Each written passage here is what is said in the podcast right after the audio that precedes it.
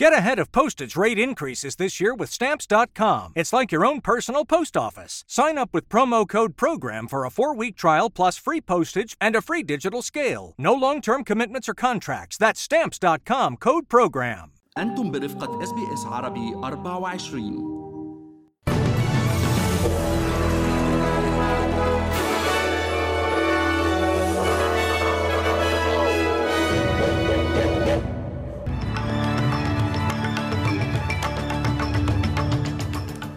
عناوين النشرة. وزير الخزانة الفيدرالي يبدي تفاؤله بتواصل ارتفاع الأجور بعد السيطرة على التضخم. وفاة عضو مجلس الشيوخ من حزب الأحرار جيم مولن بعد صراع مع السرطان. لندن تتوعد بمزيد من الإجراءات الانتقامية بحق إيران بعد إعدام إيراني بريطاني في طهران.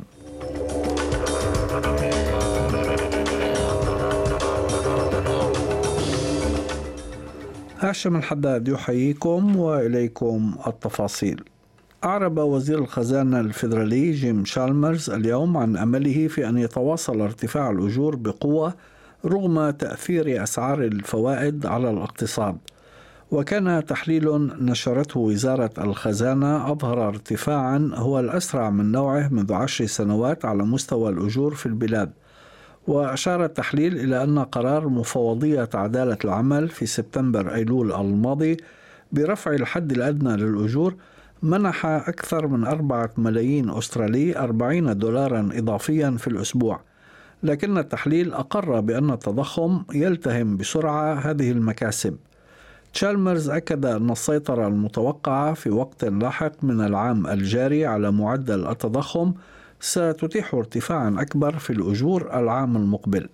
The expectation is that uh, we will see real wages growth next year, uh, but that relies on uh, some uh, quite unpredictable forecasts when it comes to inflation. The wages growth uh, that we're seeing in the economy is um, uh, something that we hope we can sustain, and obviously inflation will moderate over time. So, the, to the extent that we can do something meaningful on both sides of that equation, we'll get that real wages growth in our economy.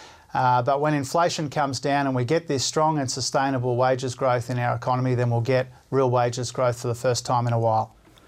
أكدت مفوضية المنافسة وشؤون المستهلك اليوم أنها تراقب عن كثب التطورات في قطاع الطاقة بعد إعلان عدد من شركات الطاقة الكبيرة أنها أجبرت على التوقف عن إبرام عقود جديدة لتزويد زبائنها بالغاز بسبب تداعيات فرض الحكومة الفيدرالية لسقف مؤقت على الأسعار. وتذرعت الشركات أيضا بارتفاع كلفة تأمين الإمدادات من المنتجين. وقالت المفوضية في بيان إنها تسعى للحصول على المزيد من المعلومات بشأن العلاقة بين السقف على الأسعار وقرار شركات الطاقة.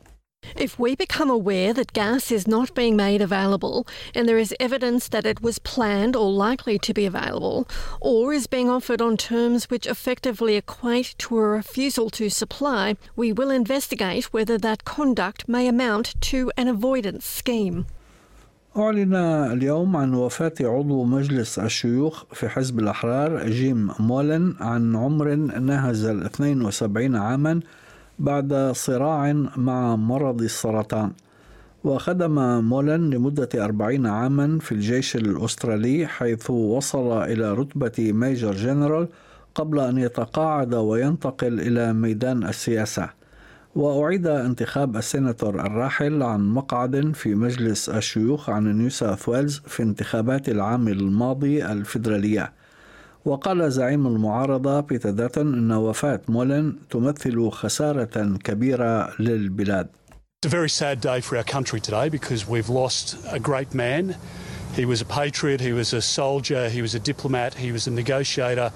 But above all of that, he was a family man and he had a beautiful wife in Anne and all of his children, his grandchildren, who will be grieving, and they have done over the course of uh, the last period because this has been a difficult period health wise for Jim, as we know. بدوره وزير الدفاع ريتشارد مارز أشاد في حديث إذاعي بمزايا السيناتور مولن. Jim was always somebody who was who was very good to me. I mean, we're obviously on opposite sides of the fence, but we both shared an interest in national security, and um, I've had a number of discussions with Jim over the years, and he is a, an honourable and, and, gracious man. And having served in the Senate for five years, he's been a you know a fierce advocate for our nation.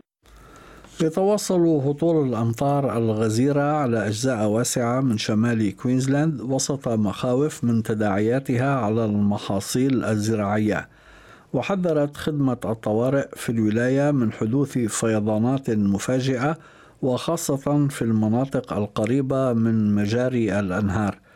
وكانت مياه الفيضانات أدت لإغلاق Bruce Highway في عدة مناطق وعزل العديد من البلدات والقرى وخاصة إلى الشمال من ماكاي وقال نائب رئيسة حكومة الولاية ستيفن مايلز أن السلطات تعمل على إيصال المساعدات للسكان المعزولين. Our concern at this stage is resupply for those communities who are now isolated, and I understand uh, the LDMG's uh, resupply group, uh, the resupply committee, will meet today to talk about getting uh, supplies into those communities that may be isolated uh, for days or even up to a week. We'll continue to see heavy, heavy rainfall uh, throughout the day in the range of 100 to 180 millimetres over six hour periods. So, our message to the public is to continue to take care. من جهتها قالت المتحدثة باسم مكتب الأرصاد الجوية ميريام برادبري أن الأمطار ستتواصل اليوم داعية السكان لالتزام الحذر في تنقلاتهم. Looking at the radar, we can still see this rain is continuing to come down. It is expected to continue throughout the day today. Uh, we have a number of warnings current, as well as our major flood warnings for the Don and Pioneer rivers. We have a severe weather warning for that heavy rainfall that may lead to flash flooding, locally intense rainfall. So that means a lot of rain falling in a very short space of time can be very, very dangerous. So you need to keep up to date with what your local emergency services are telling you. دعت حوالي أربعين دولة أمس إسرائيل إلى رفع العقوبات التي فرضتها على السلطة الفلسطينية هذا الشهر ردا على جهود السلطة لدفع أعلى محكمة في الأمم المتحدة لإصدار رأي استشاري بشأن الاحتلال الإسرائيلي. ففي نهاية الشهر الماضي تبنت الجمعية العامة للأمم المتحدة قرارا يطلب من محكمة العدل الدولية الإدلاء برأيها في مسألة شرعية الاحتلال الإسرائيلي للضفة الغربية والقدس الشرقية. وفي رد انتقامي أعلنت إسرائيل في السادس من الشهر الجاري عن حزمة عقوبات ضد السلطة الفلسطينية من بينها إجراءات مالية عقابية. وفي بيان تم توزيعه على الصحفيين أمس أكدت حوالي أربعين دولة عضو في الأمم المتحدة على دعمها الثابت لمحكمة العدل الدولية والقانون الدولي معربة عن قلقها العميق حيال قرار الحكومة الإسرائيلية وفرض إجراءات عقابية ضد الشعب الفلسطيني بعد الطلب الذي تقدمت به الجمعية العامة إلى المحكمة. ومن المقرر أن يعقد مجلس الأمن الدولي اجتماعا يتناول المسألة الفلسطينية غدا الأربعاء. أكد وزير الخارجية البريطاني جيمس كليفرلي أمس أن لندن لا تستبعد اتخاذ مزيد من الإجراءات الانتقامية بحق إيران بعد أعدام إيراني بريطاني أدين بتهمة التجسس لحساب الاستخبارات البريطانية في طهران. وقال كليفرلي أمام مجلس العموم أن المملكة المتحدة مع حلفائها تدرس الخطوات المقبلة التي ستتخذها لمحاربة التهديد المتزايد الذي تمثله إيران دون أن تحصر نفسها بالإجراءات التي سبق أن أعلنت. ورغم اصرار برلمانيين رفض كليفرلي تحديد ما إذا كانت المملكة المتحدة ستدرج الحرس الثوري الإيراني على قائمتها للمنظمات الإرهابية. وردا على أعدام المواطن الإيراني البريطاني علي رضا أكبري السبت الماضي فرضت المملكة المتحدة عقوبات على المدعي العام الإيراني محمد جعفر منتظري. واستدعت لندن أيضا القائم بالأعمال الإيراني لديها كما استدعت مؤقتا سفيرها في طهران.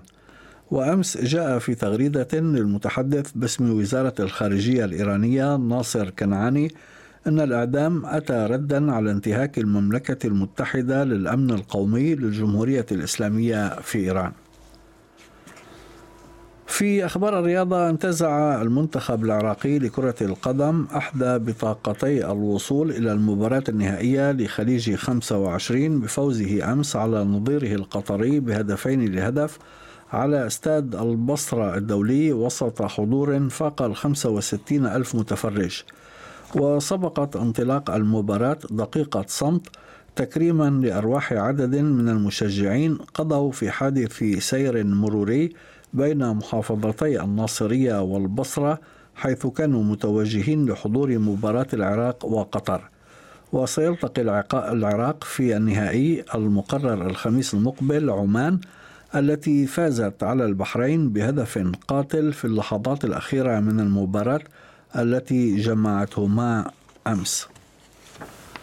في أسعار العملات وصل سعر صرف الدولار الأسترالي في التداول اليوم إلى 69 سنتا أمريكيا. حالة الطقس المتوقعة غدا في أديلايد غائم 23 درجة بريسبن غائم جزئيا 29 هوبارت أمطار متفرقة 22 داروين أمطار متفرقة وعاصفة محتملة 32 بيرث مشمس 32 ملبون ممطر 23 درجة سيدني مشمس 30 وأخيرا في العاصمة الفيدرالية كامبرا أمطار متفرقة وعاصفة محتملة 31 درجة. كانت هذه نشرة الأخبار المفصلة. أعدها وقدمها لكم هاشم الحداد. شكرا لحسن استماعكم.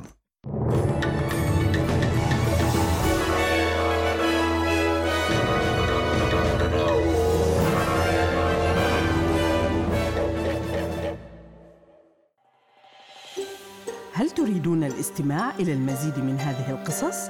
استمعوا من خلال Apple Podcasts، Google Podcasts، Spotify أو من أينما تحصلون على البودكاست.